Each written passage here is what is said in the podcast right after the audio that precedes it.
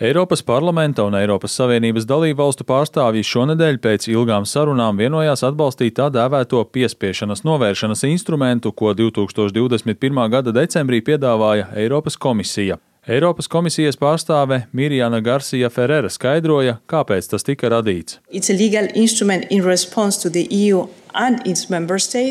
Tas ir juridisks instruments, ko izstrādāja, lai reaģētu uz to, ka pēdējos gados pret Eiropas Savienību un tās dalību valstīm arvien biežāk bijis vērsts apzināts ekonomiskais spiediens. Tas stiprinās Eiropas Savienības rīcībā esošos rīkus un ļaus mums labāk aizsargāt sevi globālajā arēnā. Eiropas Savienība pēdējos gados regulāri ir saskārusies ar draudiem no ekonomiskajiem konkurentiem, piemēram, ASV lēmumu noteikt augstu ievadmuitu no Eiropas importētajam tēraudam un alumīnijam, vai Ķīnas noteikto faktisko Lietuvas preču importa aizliegumu pēc tam, kad Viļņā tika atklāta Taivānas pārstāvniecība, kuras nosaukumā ir minēts pašas Taivānas, nevis salas galvaspilsētas Taibejas vārds, ko parasti lieto, lai neaizvainotu Pekinu.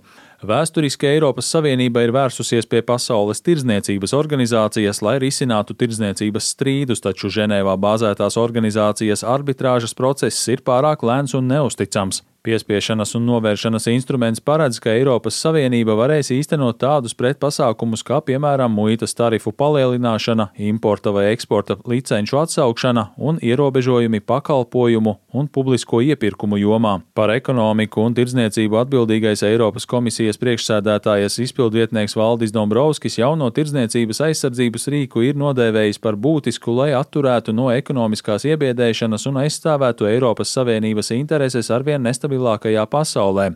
Eiropas komisijas pārstāve Ferrera norādīja, ka pašlaik ir grūti pateikt, kādos gadījumos Eiropas Savienība izmantos piespiešanas novēršanas instrumentu, taču tā galvenais uzdevums būs atturēt un mīkstināt trešo valstu ļaunprātīgu vēršanos pret bloku vai kādu atsevišķu dalību valsti. To izmantos tikai kā galēju līdzekli. Mēs to nelietosim pie pirmās izdevības. Mēs konstruktīvā veidā mēģināsim rast kompromisus ar trešajām valstīm, lai novērstu ekonomisko piespiešanu. Ja šī pieeja nestrādās, tad mūsu rīcībā būs virkne pretpasākumu, kurus mēs varēsim izmantot, lai pretotos trešo valstu piespiedu darbībām.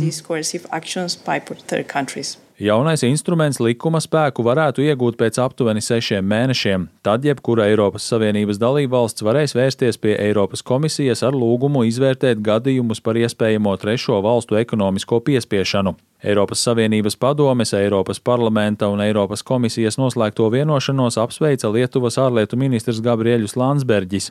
Viņš paziņoja, ka Eiropas Savienības rīcībā tagad būs rīks, ar ko apturēt diktatorus, kuri iebiedē Eiropas Savienību ar neoficiālām sankcijām. Landsbergis norādīja, ka Lietuva pielika daudz pūļu, lai pātrinātu piespiešanas novēršanas instrumenta apstiprināšanu pēc tam, kad tai nācās aizstāvēties pret, kā viņš to nodēvēja, Ķīnas speciālo tirdzniecības operāciju.